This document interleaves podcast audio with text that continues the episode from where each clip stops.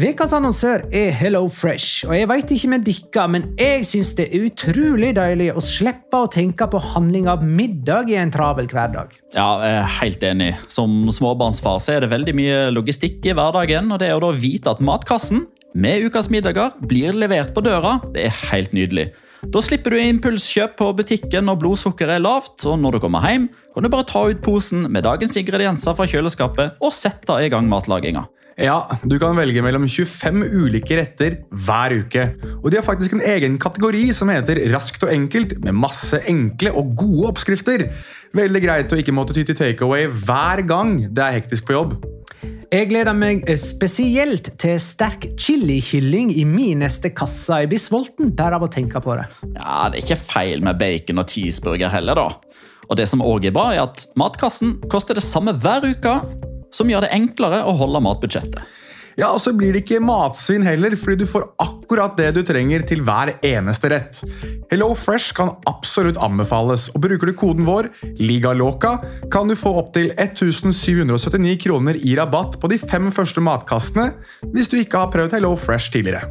Du kan også prøve koden hvis du har avslutta abonnementet ditt for tolv måneder siden eller mer. Gå inn på hellofresh.no og bruk koden LIGALOCA. Bon appétit! Hallo? Jeg kommer fra Oslo politikammer.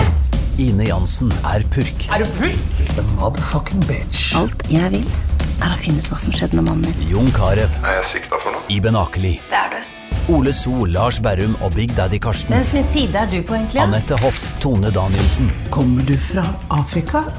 Jørnis Josef, Nesten. Kløfta. Trond Espen Seim. Det er synd å si det, men det var feil mann som døde. Purk. Premiere tirsdag på TV2 Play.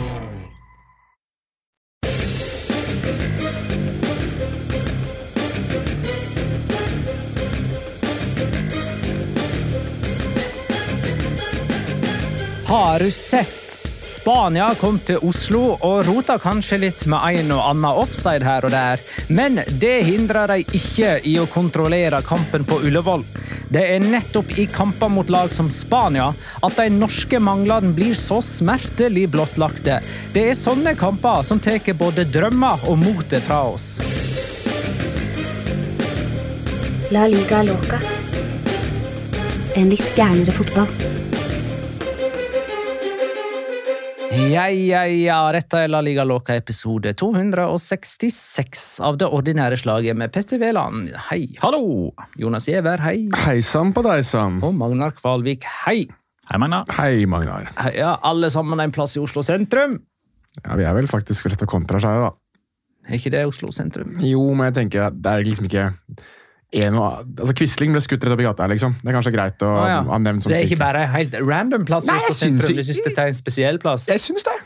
Eh, hadde vi vært på Stortinget eller på Det kongelige slott eller i Rådhuset eller Nationaltheatret eller Ullevål stadion, så hadde jeg kanskje presisert det. Men dette er en plass i Oslo sentrum. ass. Ja, ja okay.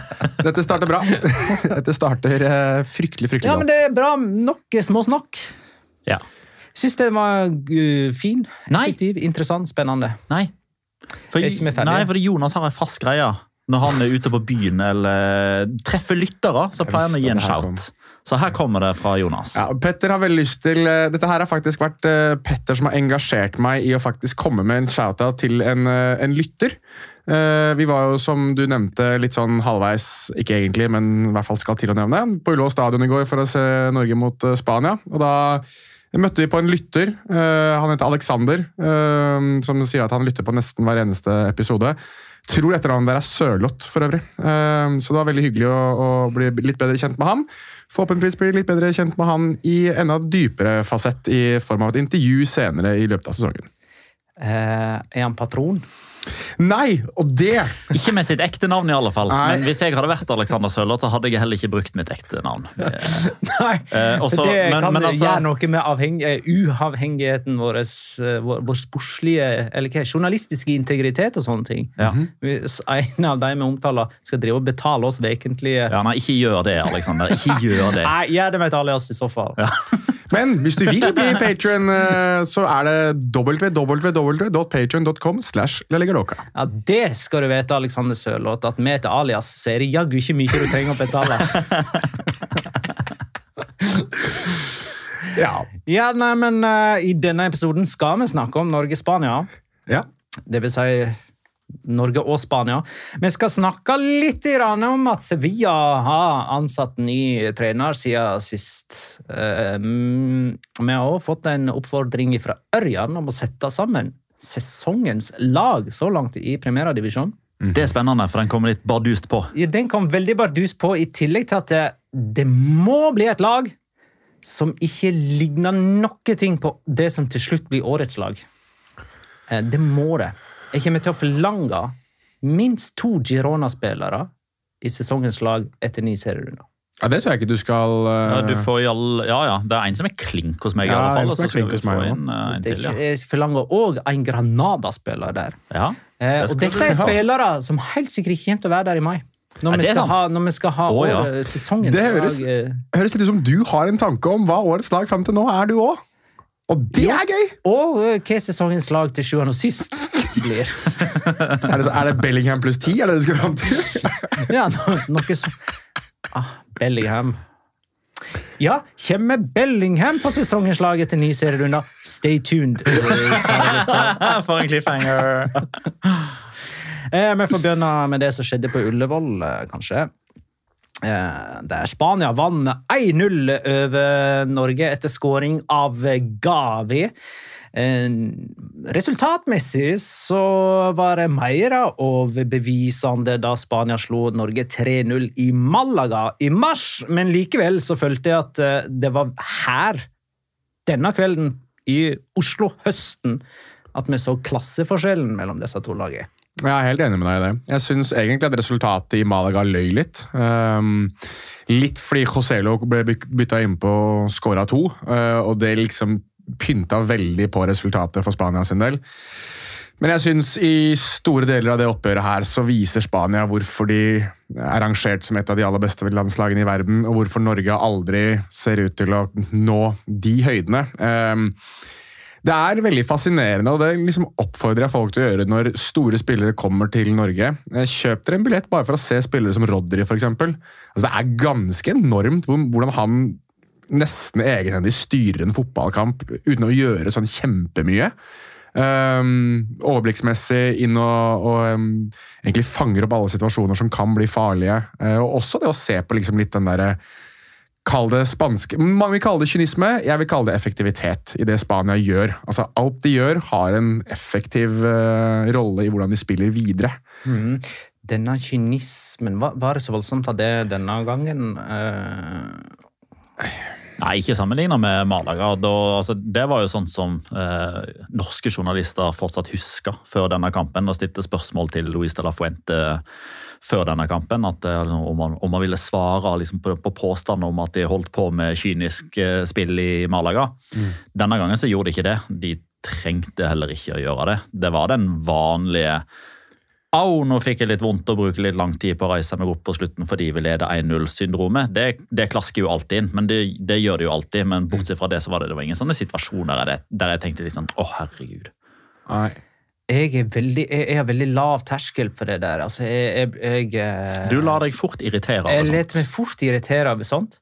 Og kan ikke helt huske at jeg lot meg irritere så voldsomt over det der jeg satt. Nei, jeg husker at du lot deg irritere noe voldsomt i Malaga, for da satt jeg ved siden Da av deg. Da var jeg forbanna, da. Ja. Sånn tvers igjennom hele kampen. Men det, det var jo òg litt fordi at Rodri nesten drap Ødegaard innenfor Spania sin 16-meter tidligere tidlig i første omgangen, der som eh, den franske dommer ikke eh, dømte straffe for. Nei. Du og som hans franske kollega i VAR-bussen fort bare avfeide med hva var det, normal kontakt? Ja. Ja, det var vel det. Det kommer jeg aldri over. Jeg tror, jeg tror i hvert fall at uh, veldig mange vet jo, eh, eller har blitt kjent med, at jeg fyrer meg opp over ingenting i løpet av podkastene vi spiller inn.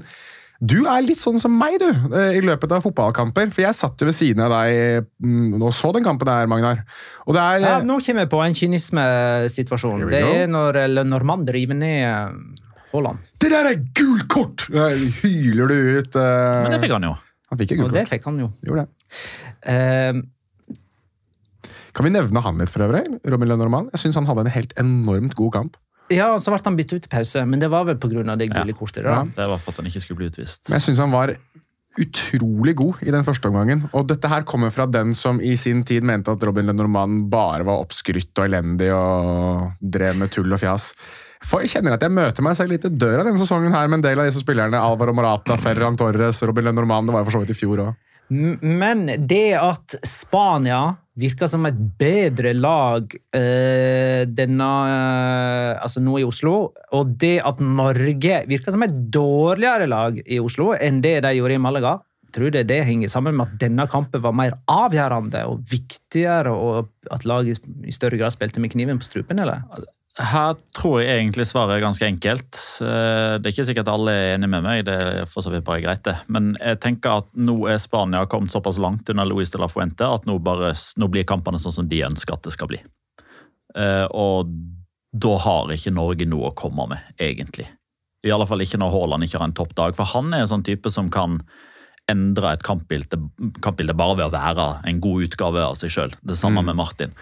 Eh, Martin Ødegaard? Martin? Ødegaard, ja. Nei, nei, må du kjenne Nei, men altså en, en du trener sjøl på?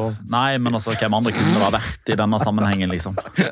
Hvem andre kunne det ha vært? Det er en som betaler for å høre på oss på Patreon. Eh, Martin André Hansen, for eksempel. Ja, for, ja, ja.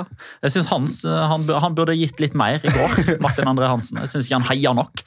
Eh, nei, men altså, i, i går så var det altså, Spania var i kontrollmodus og ble egentlig aldri satt under press, med unntak av den ene gangen eh, da Haaland uh, gampa med ball i 40-50 meter Alene. inn, innenfor to meters kvadrat med fire spanske spillere rundt seg der ingen helt turte. Skal jeg ta han? Skal du ta han? Skal vi bare løpe? Skal vi backe? Skal vi, hva, hva gjør vi?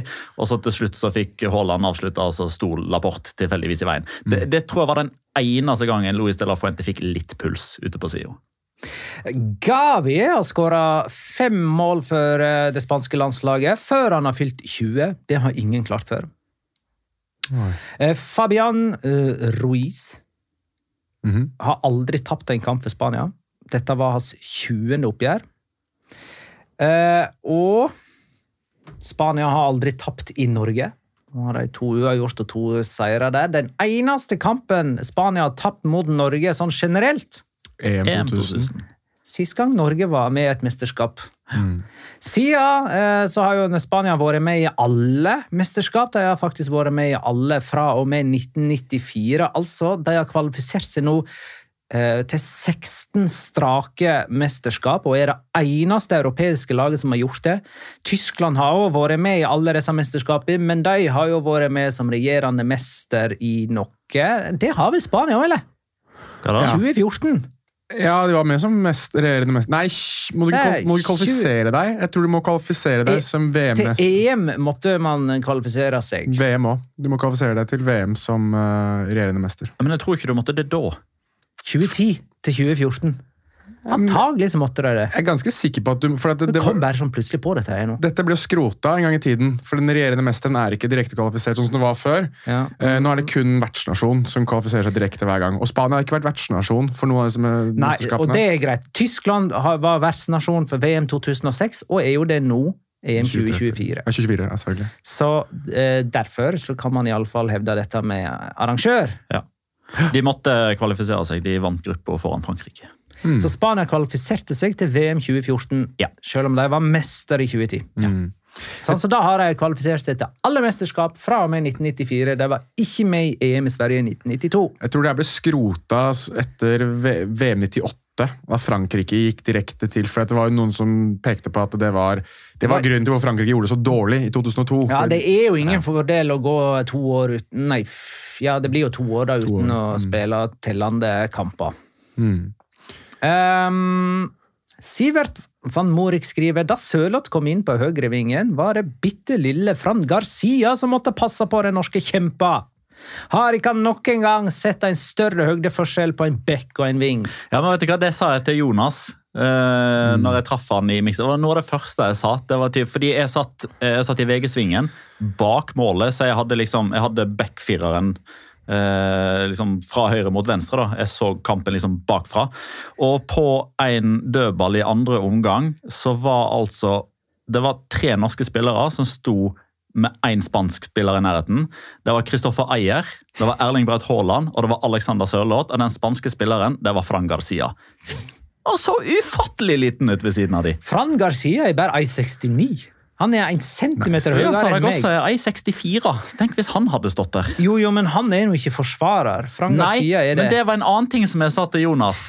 Fordi noen ganger eh, når det blir dødballskåringer, og det er en av disse målsnikerne eller de liksom aller beste hodespillerne som skårer, så, så, så blir det ofte sånn punkt om ja, men Hvorfor blir han markert av han? På de Ja, to ja. første dødballene som Norge fikk, hvem var det som eh, mannsmarkerte Erling Braut Haaland? Det var Gavi. Ja, ja, der ser du. Men eh, ja, det, det er ifølge Transfermarkt at eh, Fran Garcia er 1,69 og Alexander Sjølott 1,95. Kan det stemme? Ja, han sto i hvert fall og ruva over både meg og Petter i mixed sånn Jeg så, jeg så opp på Alexander Sørloth, selv om han eh, Ja, var et par er meter unna. Ai80. Men Ja, da skal han bare være I85, da, så ser du bra opp. Nei. Men jeg mener, eh, for Det første jeg kom på når jeg så spørsmålet fra Sivert van Morik, det var duellen mellom Frank de Boer og Jostein Flo i Rotterdam eh, i 1993. Den Dette husker ikke jeg Der var altså Frank de Boer drev og knuste Jostein Flo i hoveddueller. Eh, Men så fant jeg altså ut at Frank de Boer var ikke så langt unna 1,80. Mens Jostein Flo han var faktisk ikke så mye høyere enn Alexander Sjølott. Om han i det hele tatt var det. Jeg var ett år, jeg. Det spiller ingen rolle, Jonas. Du har sett kamper fra 70-tallet Ja, har og har ingenting å unnskylde deg med. Jeg ville bare få deg til å føle deg enda gamlere. Eh, eller eldre. el- eldre. Eh, der ser du, jeg kan ikke snakke ordentlig engang. Nei, jeg, jeg, men du og jeg prater jo lenge om det, Magnar, om hvordan Frank Garcia egentlig på veldig mange måter minnet i hvert fall meg, og deg også litt, om Jesus Navas. I det at de sprinter bare hele kampen, de. Det, var, det, ikke, det stopper ikke, liksom. Jo, men ja, eh, Frank Garcia jogger aldri. Han Nei. spurter hver gang han legger på sprang. Så er det, bare, det er enten eh, toppfart eller null. Ja. Og så slår de gode innlegg, begge to. Og så er det med høye skuldre. De Ja. springer med veldig høye skuldre. Mhm. Så vi har bestemt oss nå for at Frank Garcia og Jesus Navas er sånn kloninger av hverandre. Vi vet ikke hvem som er eldst, for øvrig, for de ser jo like gamle ut, begge to. Eh, vi snakker om eh, Rodri. Eh, Og da må vi ta dette spørsmålet fra Madridista123. Hvor stor er egentlig forskjellen mellom Busquets og Rodri? Mener sjøl Busquets var på et ganske mye høyere nivå, men virker å være en eufori blant norske fotballeksperter og kommentatorer rundt Rodri, som jeg aldri har sett maken til, skriver Madridista123. Jeg synes Det der er et veldig bra spørsmål, eh, fordi jeg sto eh, faktisk og støvsugde hjemme i dag. og Det gjør jeg ganske ofte. Gjør husarbeid mens jeg tenker ut ting jeg vil prate om i podkasten. Og da satt jeg og lurte på, Skal jeg komme med en brannfakkel om at jeg syns at de virker å være på sånn ganske likt nivå, eh, sånn i henhold til hvor gode de er, eh, og hvor instrumentale de er for lagene sine, Rodri og Sergio Busquets eh, i glansdagene, så skjønner jeg at det er som å banne i kjerka. eh, Og selvfølgelig så kommer historien til å gjøre at Busquets ser bedre ut, men jeg syns Rodri er helt, helt enorm, altså. Og det er han for Manchester City. Og det er jo også noe som åpenbart eh, leder i diskusjonen, for han har jo ikke fått like mye ros i spansk media, for han har spilt der borte, ikke i Spania. Eh, og det har jo gjerne hatt en tendens til å ikke alltid være det som er mest populært hos spanske medier. Um, men nå syns jeg Rodri er jeg synes det er virkelig på sin plass nå når man skal liksom snakke om Ballon d'Or snart, og liksom de beste spillerne i verden, så er han helt der oppe for meg. altså. Ja. Nei, jeg, jeg er helt enig. Skulle gjerne vært uenig, fordi det blir bedre podding hvis uh, man har litt uenighet. Men jeg, jeg mener at altså, toppnivået til Rodri nå, som han har holdt over en ganske lang periode, det minner meg om toppnivået til Busquets. Fordi Man skal ikke glemme det at Busquets fikk, uh, og det er ikke for å liksom, snakke ned Busquets på noe som helst måte, men han hadde Chavi og Iniesta ved sin side stort sett gjennom hele karrieren.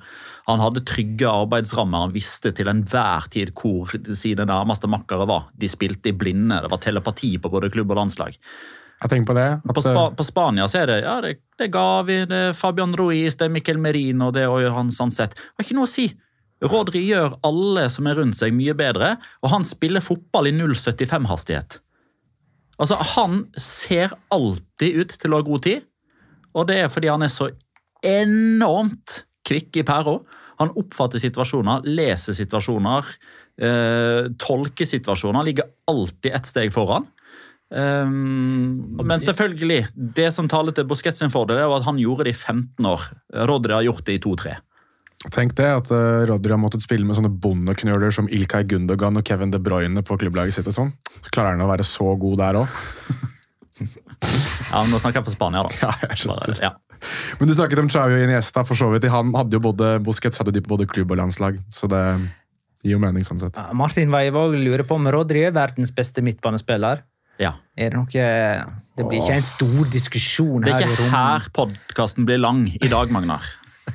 Nei, jeg... Men Bellingham er jo òg en midtbanespiller. Ja, det er det. Nei, nei, nei, de kan ikke sa Det er epler og pærer. altså. Ja, men da, da er det ulike typer midtbanespillere, da. Ja. Men, og, det- det, og sånn må det jo bli. Ja. Kan ikke bare sammenligne de like midtbanespillerne Nei, men altså, altså Rodri er jo anker, sekser, dyp playmaker, ballvinner. Og Så kan du sikkert si at Bellingham er alt det der pluss andre ting, men altså Bellingham er i utgangspunktet mer offensivt anlagt og har ei annen rolle. Det er liksom å sammenligne Zidane og Makelele i sin tid. liksom. Ja. Altså, de, er, de var verdens beste i hver sin midtbanerolle. Um, men de var jo helt ulike roller, selv om de var plassert på midtbane på en formasjon. Nei, men det er, altså, det er med, um, med sånne spillere som Rodri og Sergio Busquets at jeg syns det virkelig er verdt å sitte på stadion og se fotball bli spilt. For uh, de kan man liksom, sånne spillere kan man sitte og se på hele tiden. Bare for å se hvordan de beveger hodet, hvordan de beveger blikket. Sånn at når de får ballen, så vet de nøyaktig hvordan førsteberøringen deres skal være. Fordi at de har bestemt seg på forhånd hva de skal gjøre eh, med ballen. før de har fått Ja, og sånne detaljer som skal du spille på høyre- eller venstrefoten til den som mottar ballen, ja. og gjennom det gi en beskjed ta første touchet framover eller spill ballen i støtte neste gang. Jo, men altså, han tenker for fire-fem personer Ja. de neste trekkene. Men, men akkurat eh, det hvordan han leverer fra seg ballen, det ser man jo på TV. Eh, Det er ikke så lett å se på TV eh, hvordan han posisjonerer seg før han mottar ballen, og hvordan han har orientert seg eh, før vi har kommet dit, liksom. Det snakket vi også mye om, husker jeg, i går. Du og jeg. Hvordan forskjellen på Spania og Norge på akkurat det der. Ja. Det der var på en måte nesten litt sånn pinlig. Stor forskjell på spillerne. Ja, jeg, tidvis så var det det. Blant, jeg syns Martin Ødegaard er god på det, men Ja. så er det ikke så veldig mange andre. Eh, Jørn Henland Skøyen skriver endelig får Morata hyllest. Og så er han den eneste av de spanske spillerne som ikke forsto at han var i offside når Strandberg var i ferd med å sette ballen i eget mål. Du fikk jo Kinderegget vårt, da. Den kampen her. Fikk jo Nesten, iallfall. Da ligger Loca Kinderegg. Egentlig. Jørn Kleistad. Nei, Jeg fikk Alvar Marata som dreit seg ut. Du fikk et feilkast, og Petter fikk en Villarreal-spiller som debuterte.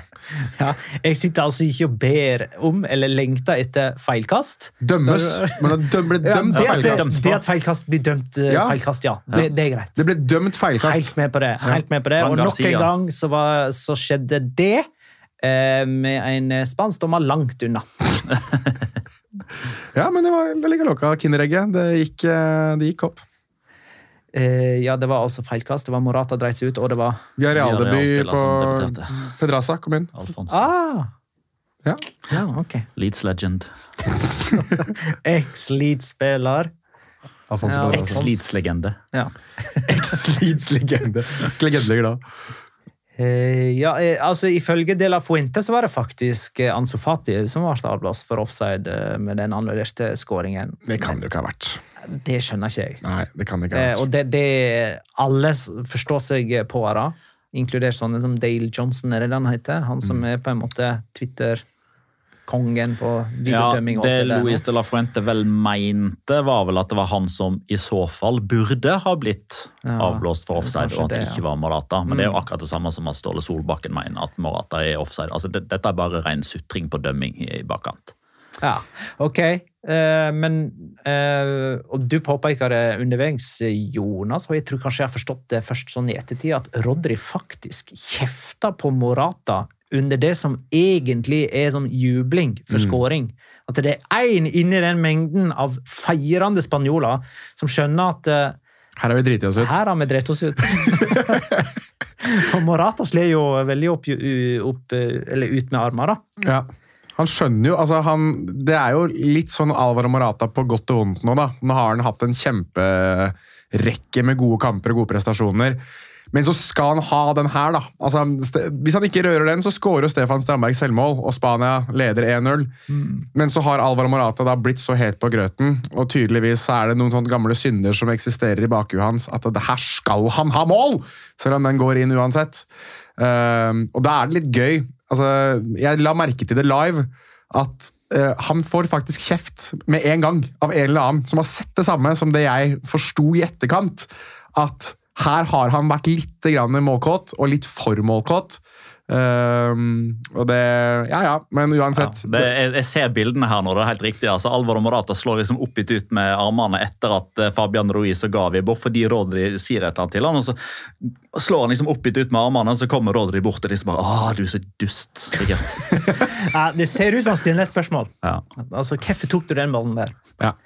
Uh, skal vi se Garnityr Knaus skriver Norge har to gullballnominerte mot Spanias Rodri. Har nok en gang styrkeforholdet mellom Norge og Spania på papiret vært jevnere? Uh, nei, det har vel ikke det. Jeg vil det vil jeg si at det den eh, 2000 ja. Bjørn Otto Brakstad, eller? Ja, eh, Ole Gunnar Solskjær, Tore André Flo, Steffen Iversen, Mykland eh, Brakstad, ja. Husk, Spania i 2000 var ikke spesielt god. Alf, fuckings Alfonso, Og liksom. Paco Hemes! Abelardo! Skal du ikke ha med Orsais òg, eller? Spania. Altså, det at Spania eh, klarte å komme seg videre fra den gruppa, var jo en sensasjon. Raúl, Mendieta, Ja da, De hadde gode spillere òg, det hadde de. Men altså, det som er Eh, greia han her nå det, eh, Mendieta kom inn. Det husker jeg satt og, og klødde meg i hodet gjennom mesterskapet. at eh, Hvorfor ikke Mendieta starta på det laget Jeg der. var syv år, jeg, det mesterskapet der. Hva skal du begynne med det der igjen? Ble åtte, da. Oi sann. Baraja var med, Vicente var med. Jo da, Marchena og Baraja danna vel midtbane, den dype midtbaneduoen i den kampen. Fernando Hierro var med. Eh, Molina sto i mål og Ja, gjorde ikke en kjempefigur Nei. i uh, luftduell med uh, Steffen Iversen. Nei, men For å besvare spørsmålet her, da. Uh, Jeg vil nok i hvert fall si at sånn Norge hadde de to beste spillerne sånn formmessig, og det har litt å gjøre med at Rodri åpenbart har vært suspendert i Manchester City. Men de to beste spillerne inn i den kampen her var begge norske, i Haaland og Ødegaard.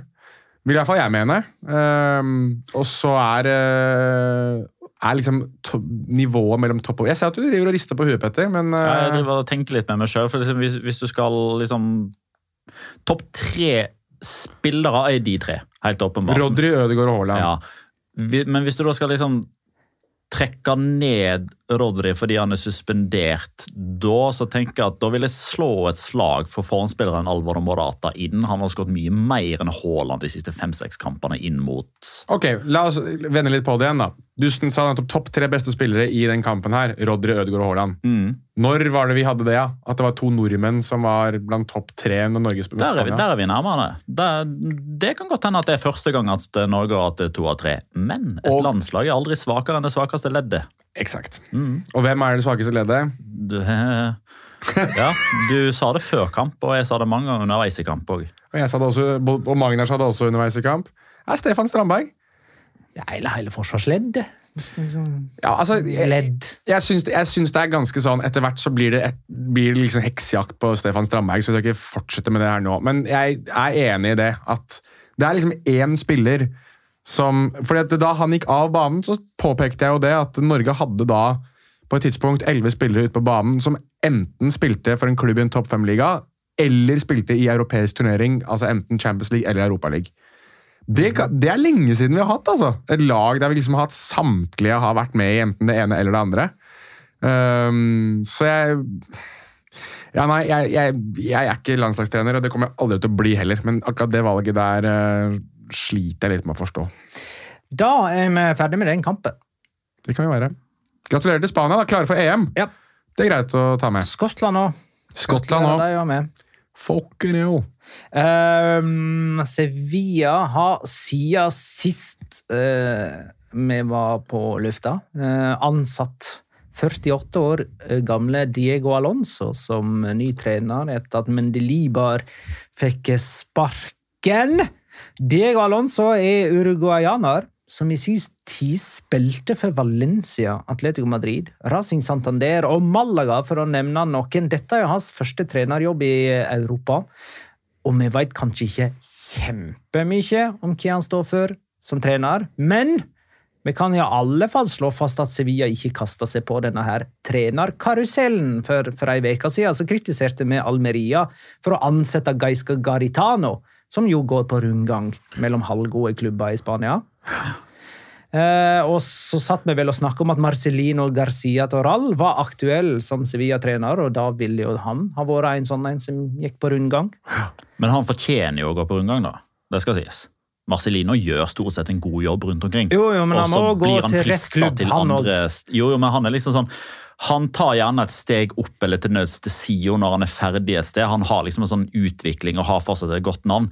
Gaiska Carditano han får sparken, og så blir han henta inn et sted. Og så får han sparken der òg, og så får han likevel en ny sjanse. Så får han så sparken der òg. Havi Gracia er en annen sånn en, som også var kobla til Sevilla-jobben. Ja, og jeg er jo glad de ikke ble noen av disse som gikk på rundgang, og kan liksom se med spenning fram til dette Diego Alonso-eventyret som vi har framfor oss.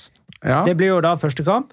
mm, Real Madrid på Ramón Sánchez Pijuan. det er jo en utakknemlig debut. Um, Sergio, Sergio Ramos mot Real Madrid. Nei, altså Diego Alonso er vel altså sånn uh, Han har jo to ting da, som jeg liksom biter meg veldig merke i i hans trenerkarriere. Først og fremst så er han jo en som har gjort det veldig bra i Mexico. Eh, og da tenker jeg med en gang på Miguel Almiron, som vi husker at var i, i Elche. Uh, han var også veldig god i Jorge Almiron. Jorge Almiron, som Miguel Almiron spiller i Newcastle. Uh, ja, Jorge Almiron. Og han var jo også veldig god i Mexico, men de, de to tingene som virkelig utheves her, er nummer én. Han var den første treneren i Inter Miamis historie, altså denne klubben som nå har Messi og David Beckham osv. Og, så og nummer to Det var vel Beckham som Det var Beckham som ansatte han, fant opp hele klubben, var ikke det? Ja. Starta han og ansatte Diego Alonso. ja, som den første. Så Beckham har troa på Diego Alonso, så det burde du også ha. Ja, Nei, Han var et drøyt år eh, der, eller? Ja, det var vel noe sånn, cirka. Før, eh, før han ble erstattet vel av Phil Neville, tror jeg. Um, Ok. Og så tatt av Martino. Tata Martino er den som er hovedtrener nå. Så de har hatt en uh, sagnomsust uh, troika av trenere. Um, og at han da tok over etter Oscar Washington Tavares, som da er den legendariske, ikoniske, mytiske treneren Uruguay hadde i 15 år, som faktisk til slutt måtte ha stokk på sidelinja, for han klarte ikke å stå oppreist lenger, for han har en nervesykdom. Uh, og det, før, altså det startet visst ganske bra for ham i Uruguay, og han tok det jo da til VM. eh, og der røk det i gruppespillet, og da eh, ble han eh, sparket slash ønsket å bli frigitt fra sin stilling.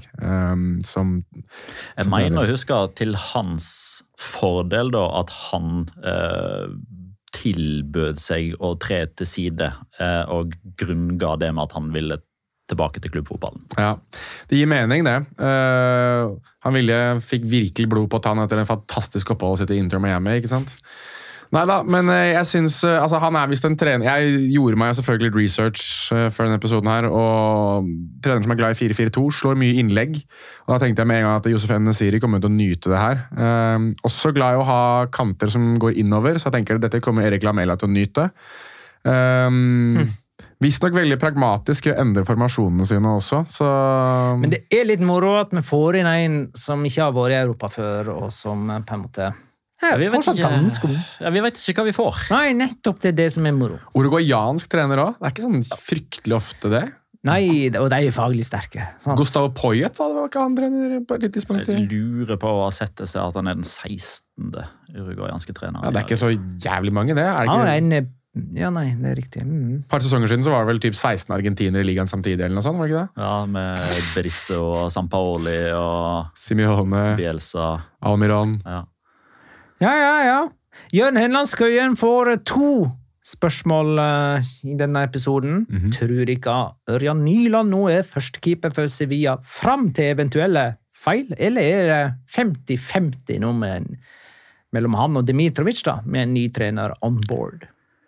Nei, men altså, det vet vi ikke. fordi Diego Lanz har ikke har i alle fall ikke fått med meg at han har fått spørsmål om det, eh, eller om han har sagt noe om det. I så fall så har det gått meg hus forbi. Men tankesett, da. La oss si at du skulle ta over en trener, eller du skulle ta over en klubb. Du ser på meg. Ja, Magnar. Uansett nivå. Sant? Så er det jo sånn at du, da har du en viss kompetanse, eller ikke, på det laget du skal ta over. Det du ofte støtter deg på da, er jo liksom ok, hva har skjedd fram til nå? Hvor har problemene vært? Hvor har, vi liksom, hvor har vi muligheten til å utvikle oss? Du ser gjerne en kamp eller to eller tre, kanskje de tre siste som klubben har spilt. Det er ingenting der som tilsier at Ørjan Nyland ikke skal være førstevalget. Med mindre Diego Alonso da har en såpass brei oversikt. Kanskje har han fulgt La Liga i mange år. Kanskje har han en forkjærlighet for Marko Dimitrovic. Kanskje møtte Marko Dimitrovic opp på treningsfeltet med kake og smultring og en velkomstgave, for han var jo ikke på det serbiske landslaget nå. Vet ikke. Det burde ikke tale alltid hans favør det, hvis han ikke er i landslaget, mens Ørjan Nyland er på landslaget. Ja, altså Kan man ta diskusjonen Er man best ved å ikke være den fjerde beste keeperen til Serbia, eller best ved å være den beste norske? Det Jeg vet ikke. Men det går jo an å spørre Nyland direkte om hvilket inntrykk han har, den nye treneren. Mhm, det skal vi gjøre. Godt innspill til spørsmål, for vi skal podde med Ørjan Hårskjold Nyland på torsdag. Mm. Det blir gøy. Så det blir denne veka. Det blir denne ukas bonus. det da. Midt imellom Norge, Spania og Sevilla Real Madrid så finner altså Ørjan Horsson Nyland plass til oss. Ja, men Det elsker vi han for. Det gjør vi.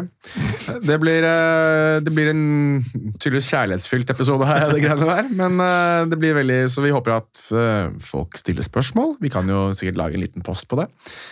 Så folk kan sende inn sine frågor til eh, landslagskeeperen vår. Men eh, apropos Real Madrid, de har program. De har program etter landslagsveka. De møter først Sevilla borte, så Braga borte, og så Barcelona borte.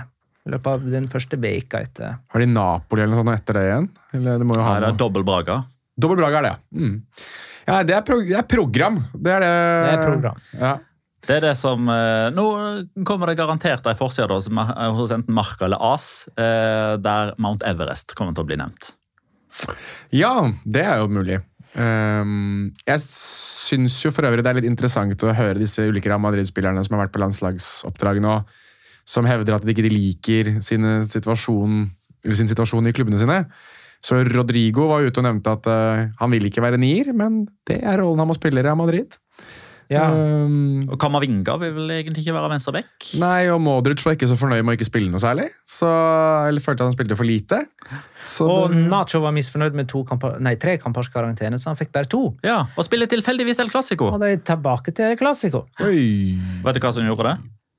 Uh, nei, uh, dette her kommer jo da altså etter at han takla gode gamle Porto. Porto, Mm. mot eh, Girona. Mm. Eh, nei, hva, hva var det som Nei, altså Jeg, jeg veit ikke, for jeg har ikke innsyn i dokumentene. Men jeg kan nærmest garantere at en del av appellgrunnlaget, ankegrunnlaget, til Real Madrid sitt juridiske team, er at disse tre kampene fikk han fordi Porto ble alvorlig skada og måtte forlate eh, banen i ambulanse. Porto var i kamptroppen neste helg, han. Vi fjerner en kamp av den karantenen. Jeg må få sagt det at eh, Konspirasjonspetter begynner å bli en av mine favorittutgaver av Petter. Eh, Sitter som et skudd hver gang! Hver gang! Garantert! Uh, ja, det var Ørjan, det var Ørjan uh, som skriver Kanskje dette er vel tidlig, men kan de ikke ha sett opp sesongens lag uh, så langt? Det kan altså vi. en beste elver i 4-3-3. Det vil si, eh, da, da sier vi at uh, her stopper sesonginnledningen. Nå går vi inn i midt i sesongen. Mm. Så sesongstarten er ferdig. Midt i sesongen varer fra og med ses, eh, runde 10 til og med runde 30. Og da, etter det så går vi inn i Og den var lang. Ja, ja, midt, midt i sesongen. Den er kjempelang, den. Ja, det, det er den lengste perioden. Ja. Ja. Vi kunne bare sagt andre kvartal, da. Nei. Det er litt sånn Winter's Coming-følelse av det her nå. Og så når vi da kommer inn eh, fra 30 og ut, da, så er det avslutningen på sesongen. Så mm. Start, eh, midt og slutt. Ja, er Start, midt og slutt. det er i hvert fall to her som jeg tror er eh, Nei, tre som er bankers. Sesonginnledningens beste keeper. Å, det er ikke, den er ikke bankers. Nei, Den, den er ikke den er ikke bankers. Okay, Ok, da, ok, ta bankers først, da. Ja, Jude- Morata, Jude Bellingham. Ja, da er det fire, da. Nei, er Morata klink? Ja, klinker vi Marata? Ja, ja. Må være det, tror jeg. Ja, ja, ja, ja, ja. Eh, Morata, Bellingham, Takifusa Kubo. Det er faktisk ganske Da mange. sliter jo eh, du slash vi kanskje litt med å få inn Nei, vi gjør ikke det, da. Brian Saragossa vil jo Han skal ha på motsatt side, sant? så Ja. du har Morata i, som midtspiss, Kubo på høyre og Saragossa på venstre. Ja, og Bellingen som indreløper, da. Ja, en av de to. Ja. Og, og den andre indreløperen der tipper jeg kommer til å bli Alers Garcia, da. Ja, jeg vil ha han i den dype, jeg. Kan godt ta den der. Anders Garcia fra Girona. Girona. Riktig. Altså, ikke så dumt å nevne. Nei, Ja, godt poeng. Takifusa Kobo fra Real Sociedad. Kan, sånne, sånne kan være nær- verdt å nevne. Brian Saragossa fra Nei, fra Granada. Granada. Første Granada på det Granada spiller på det spanske landslaget siden 1974, mener jeg å huske. Det er helt riktig. Da var ikke jeg født, Magnar. Ikke så, det, så det der visste ikke du. uh, ja, men forsvarsrekke, da. Uh, jeg, syns, jeg syns det er ganske vanskelig med de midtstopperne spesielt, da. Uh, for der har du Så du har Robin Lenormand, syns jeg er et veldig bra, bra forslag. Vanligvis hadde det vært sånn kjempeenkelt å, å si noen på Real Madrid, men de har jo hatt alle midtstopperne sine skada på et eller annet tidspunkt. Jeg syns ingen i Barcelona har vært noe sånn wow. Nei, men altså, Jonas, nei, Jonas sier jeg. Eh, godeste Magnar har jo sagt at vi skal ha minst to Girona-spillere. så Da er det jo enten Arnau på høyrebekken eller den jeg mener da, David Lopez som midtstopper. Altså, en ting at Vanligvis så synes jeg at midtstoppere som skårer mål, får litt for mye cred fordi ah, han skårer mål på en dødball, og så glemmer man liksom at ja, han har ikke forsvart seg så bra. Men han har faktisk forsvart seg ja, veldig bra. David tillegg. Lopez, da. David Lopez i Girona. Veldig bra. Har vi da én midtstopper? Mangler vi en indreløper nå? Kan, jeg, kan jeg komme med et forslag? Bas Det kan du. basert på det liksom, forventningsnivået deres. Javi Gera, Valencia. Ja. Synes i hvert fall det er verdt å Han har enkeltkamper der han er helt Så Det, er- det er faktisk på sin plass. Da har vi midtbanen òg der. Ja. Mm. Veldig bra innspill. Skal ikke komme med noen uh, motpoler eller noen eh, Nei. nei. Eh, Da har vi altså angrepet og midtbanen på plass. Ja. Vi Eh, har én midtstopper. Ja, eh, Vi har ikke en venstreback. Der vil jeg slå et slag for eh, Diego Rico. Som jo tross alt har fire målgivende. ja. Jeg er ikke uenig. Og Kan- har bidratt med sitt til at Retafe fortsatt er Retafe. Ja. Ja, ja. Det er, det er noen som ser de kampene òg. Jeg er jo blant de, så jeg skal ikke si så mye. Men uh, ja. Nei, jeg kan godt gå med på, gå med på Diego Rico, men jeg syns det er veldig, veldig spenstig å ha med en Chetafe-spiller i det her. Det må jeg ærlig innrømme. I det at jeg ikke syns Chetafe har vært noe sånn veldig gøye å se på. Men Men, det, men For altså, at det, det, det lurte litt på ha- Har ikke Lino liksom vært venstreback Ja. nok? eh, jo, men på- det der, vi, vi blir Nei, han har ikke vært nok venstreback. Han har vært veldig offensiv wing. Eller Ja, wingback. vel- men jeg- men vi, blir- vi blir veldig låst her av at det er noen andre som har valgt eh, formasjonen for oss. Det gjør jo at man eksempel ikke finner Ja, plass til jeg Savinho. Vi finner ikke plass til Bryce Mendes, som jo har vært eh, direkte eller indirekte involvert i 110 av skåringene til, til Real Sociedad, for å si det litt flåsete. Ja, men jeg er enig med at Savinho burde ha fått en plass her. Ehm, men han får det ikke over Brian Saragossa, og han får det ikke over Keeper. Alvaro Valles. Eller Valles, som det heter. Unnskyld. Mhm. Alvaro Valles. Det er derfor jeg puster ut uh... Han spiller før. Las Palmas. Ja, han har bare seks baklengsmål på ni kamper, han. Eller åtte. Åtte. Ja, det er bare seks mål. På Men det burde ha vært flere. Kunne ha vært flere. Og i tillegg så er han, han er veldig viktig i frispillingsfasen der og har eh, høy pasningsprosent. like. Greit, da klarte en Las Palmas-representant å snike De ligger på øvre halvdel, bare så det er sagt. det, De har like mange Og innslupne Retafe er som nummer. Hvis du bare lar meg snakke ferdig. De har like mange innslupne som Atletico Madrid. Faen, ass! Det er greit at du er Atletico ivrig, Madrid har faktisk spilt en kamp mindre òg. drit i. um, det er jo til din fordel. altså ta det i din sak. eh, Kan du la meg få snakke ferdig?! En keeper og en midtstopper. Vi mangler en midtstopper og en høyreback. Nei, høyrebekk. Nei, skulle vi ha Arna og Martinez? Nei, vi gikk for Leo Lopez. Vi gikk inn for, vi, Ja, men, jo, men altså, Hvis Arna og Martinez har vært den beste høyrebekken, så har han jo vært det. Det er ikke sånn at vi skal diskriminere Nei, han spiller for Girona, så får ikke lov til å går være da, Martinez, da. Jeg, igjen, jeg har ikke noe sånn med. Nei! Hallau! Joao Cancelo. Ja, Jeg lurte litt på Balde òg på venstre, men eh, ok, nå, nå har ikke det blitt han. Det ble Cancelo på høyre, ja. Men kan, vi skal ikke glemme helt at Barcelona er ja, på Ja vel, greit. det er greit. ikke så imponerende. Joao Felix kommer jo ikke med her, da. Og, så han er kanskje greit å ha nevnt i den Savinho-kategorien. i så fall. Ja, men eh, Du nevnte Real Madrid og at det er mange stoppere. altså, men altså En som alltid har vært der, er Antonio Rydiger. Der har vi òg førstehåndsinformasjon fra Jørgen Strand Larsen om at han faktisk er best. Og skumlest. Og Og- løper ja. på en måte som er skummel. Ja, da ble det Rudiger til slutt. Da har vi et eh, slags lag. Og han spiller for Real Madrid. Han spiller for uh, Tyskland og Real Madrid. Det er den eneste Real Madrid-representanten vi har. Ja, Bellingham òg, for så vidt. Men det er Bellingham de det. to. Ja. Girona har faktisk flere spillere på det laget her enn det Real Madrid har. Det syns jeg er på sin plass. Ja, ja. Ehm, litt grann eh, sekunder nå før uh, Spørre-Petter skal slippes til. Uh, Español toppa sekunder etter elleve serierunder. De rykka jo ned forrige sesong sammen med Valladolid, og tror ikke du det var nedrykksderby eh, på Hva heter nå stadion deres? Er RCD Stadium fortsatt? Ja, det er vel det. Ja. Espanjol møtte Valladolid der denne helga og vant 2-0 etter mål av Martin Brethwaite og Javi Poado. De, de er der fortsatt, de. Det samme er Luis Garcia, som fremdeles trener klubben. Og hvis han klarer å styre dem opp fra Segunda, så skal han jaggu få med litt respekt på kjøpet. Og så er det viktig å ta med at det er ikke han Luis Garcia, for de som tror at det er han. Ja, Luis men Garcia. sa ikke vi dette mange nok ganger da han ble ansatt i vår? Ikke alle Det som er ikke han Louis Garcia. Alle Vi som har, har ny, vi har nye lyttere nå, vet du. nye lyttere. Ja, etter Instagram og TikTok. Uh, Yeah, yeah, yeah. Vår. Altså, Har du ikke hørt hva jeg har sagt? At når folk ringer meg nå på telefonen, så sier jeg La Liga Loca Enterprises. Det er viktig at vi liksom sprer uh... Det tredje laget som rykka ned forrige sesong, var Elche. Og de er i skikkelig trøbbel på 16.-plass i sekunder nå, etter 1-1 mot Eldense. Eh, Og for de som måtte ta denne referansen, Florin Andone skåra for Eldense. Florin! Florin! Florin! Florin! Det var en gang at hele innspillingen vår stoppa opp fordi at eh, Petter fikk melding om at Florin Andone hadde meldt overgang til en eller annen klubb. Hvilken klubb har han gått til da? Det har jeg faktisk fortrengt. det husker du ikke, vet du. Men hele Cordoba eller Nei, det var der han slo gjennom i 2014. Sikkert for Ferrol eller noe sånt. Real Saragossa er på playoff. Det ligger på fjerdeplass, Cádiz. Han signerte for Cádiz. nemlig. Saragossa er på fjerdeplass. De leder 2-0 borte mot Sporting Rijon. Så slapp de inn et mål helt på tampen, og så enda et i det sjuende tilleggsminuttet. Og det skjedde på følgende vis.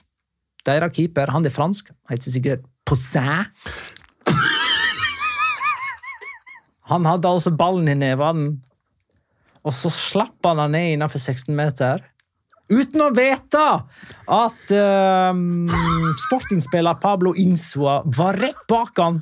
Hva er det? Hva tror du? Spiller han, spiller han sånn tilfeldigvis med dis, Dispa 69-nummer eller noe sånt også?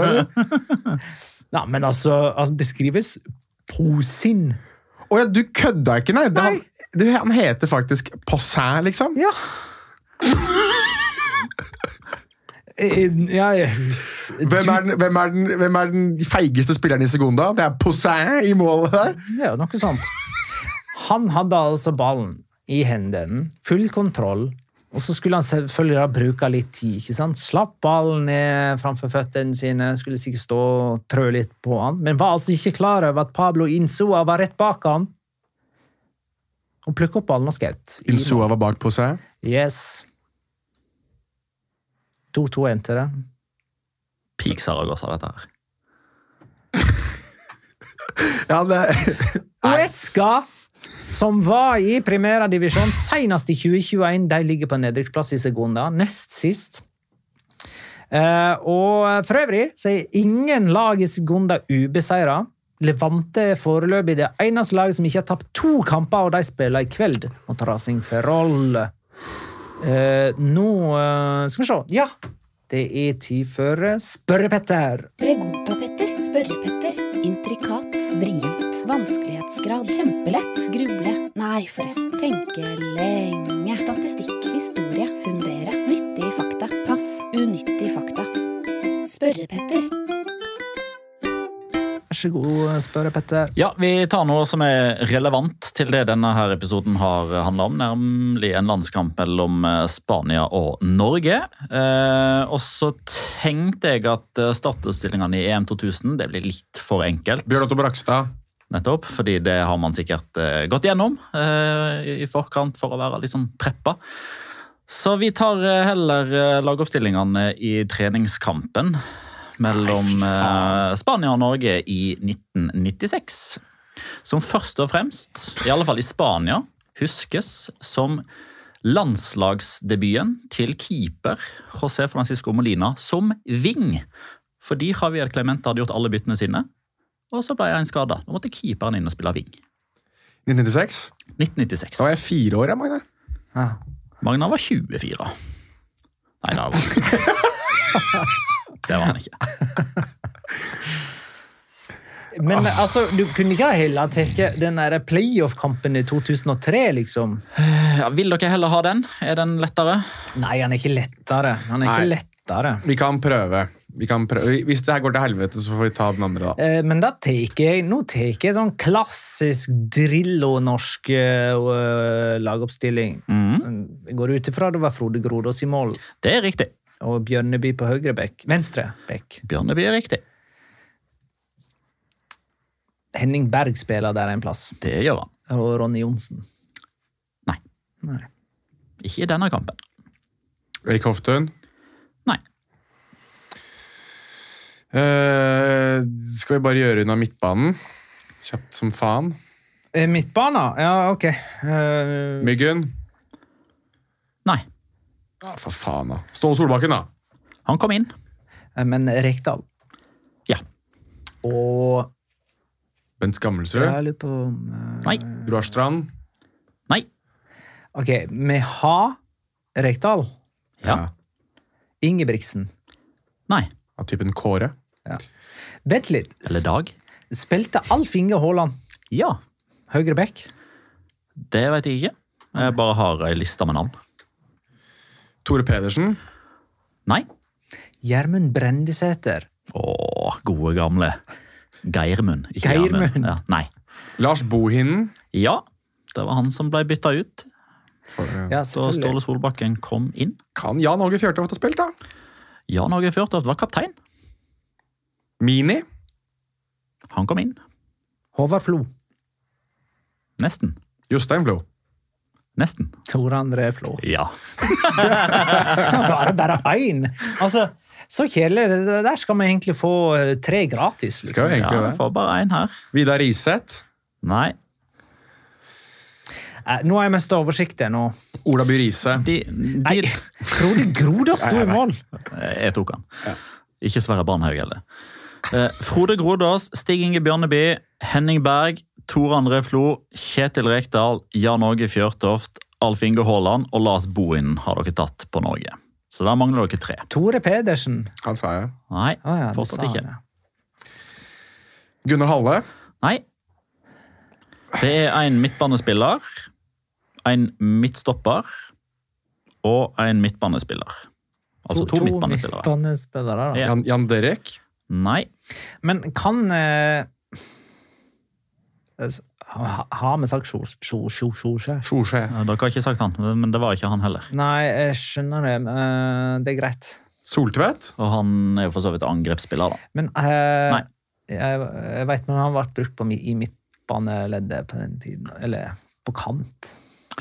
Ja, men eh, ingen av de to jeg har titulert som midtbanespiller, er egentlig kant. Det er Nei. liksom De løper men, mye. Men, men eh, kan det Kan noen av disse være litt mer sånn perifere nå? A la eh, Brendesæter altså sånne som Nei, hadde ikke så perifer. Altså, har du nevnt Brendesæter, så skal du klare de tre her òg, tenker jeg. Altså, Bren Brendesæter er ikke- Eitor Aas Det var ble 0-0. Har vi sagt resultatet? Det ble 1-0 til Spania. 1-0 til Spania. Frank Strandli. Nei. Nei. Eh, Nå må jeg kaste ut det som er av random eh, Er det, er det altså Gjelde? Har vi sagt Leo? Øyvind Leonardsen. Ah. Er vi på ni? Gjelde. Nei. Jon Olav. Jon Olav Gjelde. Men han eh, Heggem Nei. Ikke Kvarme, da, regner jeg med. Nei. Nei. Uh, fy faen. Og dette skal vi med Spania etterpå? Mm. Skal vi det? Ja. Kan vi ta et par der, da? Så har vi fått unnagjort det. Nei, gjør Norge unna. Gjør, gjør ferdig Norge. Ja, nå, nå må vi ha litt struktur. Jeg var ikke klar over at vi skulle ta Spania òg. Du bare skal Norge? Velkommen til eh, La Norska Loca eller noe sånt der, da, eller? Elite, Eliteserien Galskap. Velkommen. Galskapsligaen. Galskapsligaen. Eh, ok, eh, et hint på stopperen. Eller forsvarsspilleren, alt etter sånn. Eh, Han har en bror som òg har spilt for landslaget. Det er en bror. Så er brødrepar, det her, da. Skal vi se Wow, eh, det, det der, sk- nå skal det egentlig være enkelt. Ja, det er ikke Flo. Og jeg vil vel si at eh, han som starta mot Spania i 96, er den minst kjente av de. Ja, sånn, eh, Jarle Flo. det hadde vært gøy. Det hadde vært gøy. Jarle Flo dukker opp inni her. Eh, pff, det er ikke altså, eh, nå tenker jeg, det, er, det er ikke brødrepar på midten her heller, så det er ikke Ørjan Berg, for eksempel. Nei. Nei, for han kom vel mye senere. Ørjan Berg, nei, han kom tidligere. Runar Berg jeg tenker på, kanskje. Ja, han det, heller det. Ja. Det er et brødrepar altså, det er- noen Ja. som sitter og hyler i mikrofonen. her. Ja, det er det helt sikkert. Ja, men det, det er ikke Ludvigsen, sant? Nei, det er ikke det. Eh, Bro... Stryk deg på låret. Jeg hører det i mikrofonen. broren, som ikke spilte denne kampen eh, Den beste klubben han spilte for, Ja. er det òg en spiller i den norske startoppstillingen i 2023 som representerer. Ja, men for faen, det er jo faen meg fuckings elleve ulike klubber der. Ja, ti fra to City-spillere fra start. Så det er kanskje City da han har spilt for. Det er ikke Kåre Ingebrigtsen. Ja, det er åpenbart ikke Åge Hareide heller. Nei. Nei, f- åh. Nei. Arsenal, nei. Så er ikke Paul Lydersen. Nei, det er ikke det. Nei. Uh, ingen i Viareal. Det var ingen i Viareal som starta kampen for Norge. Skal vi se. Oscar Bob spiller City. Uh, Nå, nå prøver du å finne ut hva han broren spilte for. Ja. mm, Broren til han som starta kampen. ja. er ikke, Og han, var, han er òg midtstopper. Han i 2023. Jeg ga dere et uh, saftig hint på klubb, iallfall. Napoli, liksom. Steinar Nilsen, da. Ja, du har Roger og Steinar Nilsen. Åh, Så hvem starta mot Norge? Roger. Ja, Roger. Da mangler vi én. Det er midtbanespiller. Mm. Du må nå gi noe hint her. da. Her kan jeg Er han med, jobber han i media, eksempel? Nei, Han er veldig lite synlig, egentlig. Han er, han er nok den som er Jeg, jeg tror han er mest glemt. Det er ikke Karl Petter Løken, liksom? Nei, han er jo generalsekretær i Fotballforbundet. Jo, han er ikke så veldig huska, han. Oh, Nei, nei, men han er ganske synlig. Han har liksom For så ja, vidt. Boring, Kalle. Ja, nei, Han er lite synlig. ja, jeg vil si det. Er han organisert i fotballen, eller noe sånt? Vet du om han driver med ja, du må, du må google. Hvis du må google det, så er han ikke det, mest sannsynlig. Mm, Nei, jeg tror Eller han er, han er involvert, han jobber innenfor fotballen, men ikke i framtredende roller. Herregud. Jeg gleder meg altså ikke til vi skal ta Spania. Raymond Kvisvik. Nei, da faen, jeg vel! Nei. Nei, Vi må ha noe hint her, altså. Ja, mange hint må vi ha her nå. Ja, altså, ett hint. Eh, Molde. Molde. Ja. Eh, Både da og nå, kan jeg vel si. Stavrum. Nei. Er det en av disse her S-ene til Molde, da, eller? Nei. Nei, altså, De hadde Sundgodt, Stavrum og Solskjær. Ja, det de-. Solskjær hadde jo gått til De tre S-ene. Eh, Men Eh, eh, ingen hvem, av de. hvem eh, var på midtbanen på den Dette var jo sterk. Det er jo ikke Daniel Berg Hestad, liksom. Nei. Molde. Altså Petter Rudi. Petter Rudi. For pokker! Han, han har jo en ganske viktig rolle i Molde òg, jo. Han er en sånn Faen i helvete, dårlig tips. Dårlig, kunne sagt han var med i noen VM-tropper eller huske noe. der. Ja, jeg må det må vi. Faen i helvete! Hysj nå. Sånn. Spania. Eh, der er Sobisarheta i mål, eller? Nei. Herregud. Ikke Casillas. Nei. Det er han imellom. Mellom eh, Cæsar? Nei. Nei. Har vært i to av de samme klubbene som han. Canizares. Santiago Canizares. Ah. Albert Ferrer. Ja. Abelardo. Ja. Ja, Hierro. Ja. Guardiola. Nei. Miguel Ángel Nadal. Nei. Luis Enrique. Ja. Raúl. Nei. Alltid en som heter Alonso. Nei. Alfonso. Nei.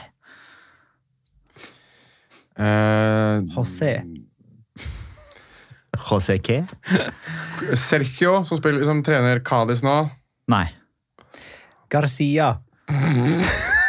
Hvem var de Nei. Uh, uh, Sergi. Ja. Pedro. Du bare sier spanske navn, du, nå. Han er gammel, men så gammel er han ikke. Uh, Ismail Ursais. Nei. Mange har vi nå av. Mendieta. Nei. Han var litt for tidlig for han, tror jeg.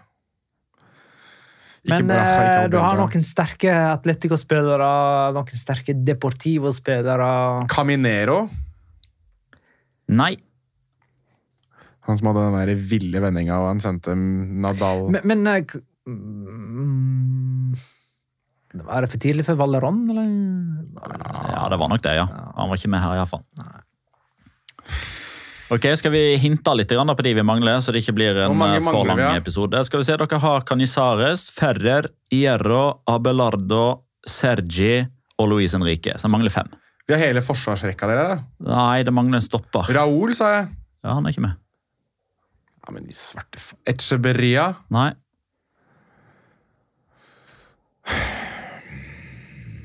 Sanchez. Nei. Han ene stopperen har eh, kun spilt for to klubber i sin karriere. Det er Atletic Klubb og Real Madrid. To klubber å spille for. Gikk han fra Atletic til Real Madrid òg, eller? Han er basker, gikk til Real Madrid og returnerte til Atletic etter fire år i den spanske hovedstaden. Han spilte for Real Madrid i den kampen her. Han spilte for Spania den kampen her. Ja, ja det er riktig, men han representerte Real Madrid. uh, Basker, som har spilt i Real Madrid. Uh, ja, vi må ha noe Han var assistenten til Michel i Olympiakos Ja, og Marseille. mm. Uh, han har vært sportsdirektør ganske nylig i Atletic Klubb. Eller han er det nå, faktisk, når jeg tenker på om. ja, Jeg kommer ikke på det. Eh, Michel Salgado. Nei. Nei, jeg tror vi må litt, litt lenger frem i banen. Jeg. jeg tror vi må tenke på hvilke av disse altså, Det var jo noen... Ja, Men dere gir opp han her, da? Ja. Enn ja. så lenge gjør vi i hvert fall det. Ja, enn så lenge. Kommer du på det etterpå, tror du? Nei. Nei! Si det, da. Rafael Alcorta. Ja, Den burde faktisk ha tatt. Så er det du tre, hadde du sagt Aitor og Åsio nå, så hadde det tilta meg, altså. Eh, tre, tre midtbanespillere, derav én wing og en spiss. er det dere mangler nå. Uh, ja, Luis Henrique har vi jo. Pep Guardiola, sa du han? Det var ikke han, nei. Sagt han. ja. Uh, Første midtbanespilleren er en såkalt one club man. Spilte 430 kamper for Atletic Club. Er nå spansk U-landslagstrener. Hva var det som tok over der, da? Jeg så jo det. Å, herregud. Eh, jeg prøver med noen andre her. Jeg. Diego Tristan. Nei, Ja, du er flink til å prøve. Eh, ja, men hvem er, det så, hvem er denne her eh, U-treneren til Spania, da? Veit ikke. Har du gitt opp? Mm. Så til Ivan de la Peña? nei. Basker, Jonas. Jo, men nå prøver jeg resten her òg. Okay. Ok. Jeg driter i han baskeren. Jeg har bomma på han ene allerede. Jeg burde ta han her òg, jeg er fullt klar over det. Eh, jeg sa Echeberria, men det er ikke han. Det er den eneste baskeren jeg gidder å tenke på akkurat nå, tydeligvis. Eh, jeg blir så, jeg blir, du Kan ikke du valgt noe litt mer overkommelig her? 96! Jeg var fire år! Ja, Vi hadde jo faktisk valget med 2003, da. Da hadde ikke, Dere valgte da det bort. ikke Baria Dere- faktisk vært riktig. Vi tar 2003! Ja, men for faen, da! Altså, jeg, det- det- det- dette her Dette her vil ikke jeg være, vil ikke jeg være med på. Det, Du kan ikke være bekjent av det. Det går helt fint. Jeg syns dere har vært flinke og tatt de dere har tatt. det. ja, er, det, er, det noen av, er det noen av de som er gjenværende i den spanske landslagstroppen som er sånn den, Denne her burde dere ta.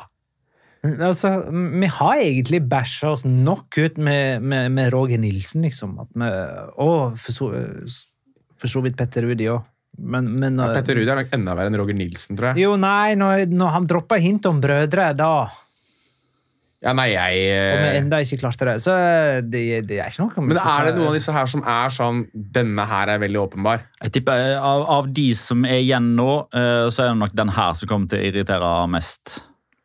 Hvem er den her?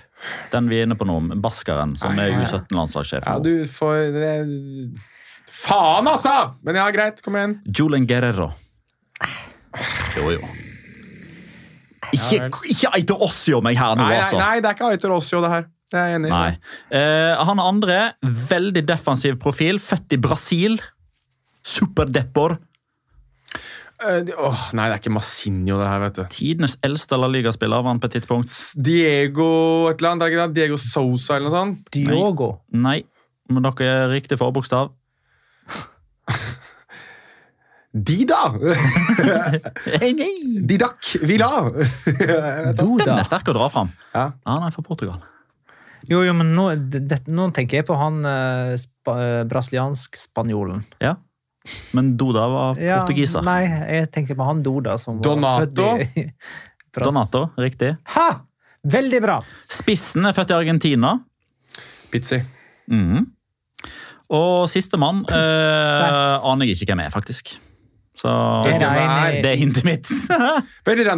Du har seriøst Bare sånn, La oss stoppe det bitte litt. Du har da satt Jo, jo, deg ned det, det er vanskelighetsgraden. Vent nå litt. Nei, nei, du har satt deg ned og sagt nå, nå skal jeg finne noe vanskelig til eh, Pregunta, Petter.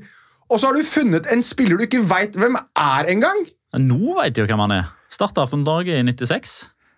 Ja, men du òg har jo stilt spørsmål der du ikke visste svaret før du sjekka det opp.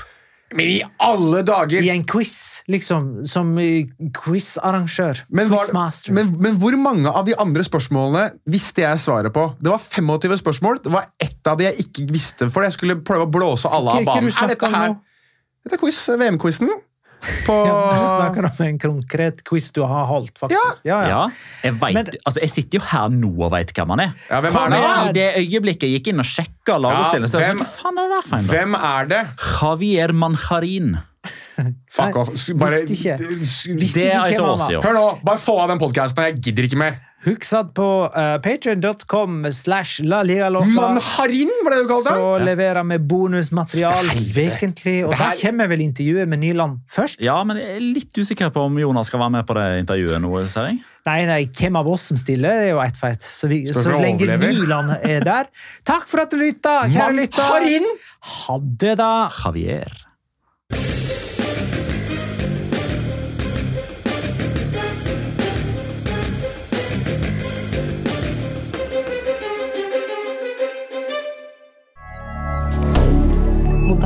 Media. Har du et enkeltpersonforetak eller en liten bedrift? Da er du sikkert lei av å høre meg snakke om hvor enkelt det er med kvitteringer og bilag i fiken, så vi eh, gir oss her, vi. Fordi vi liker enkelt. Fiken superenkelt regnskap.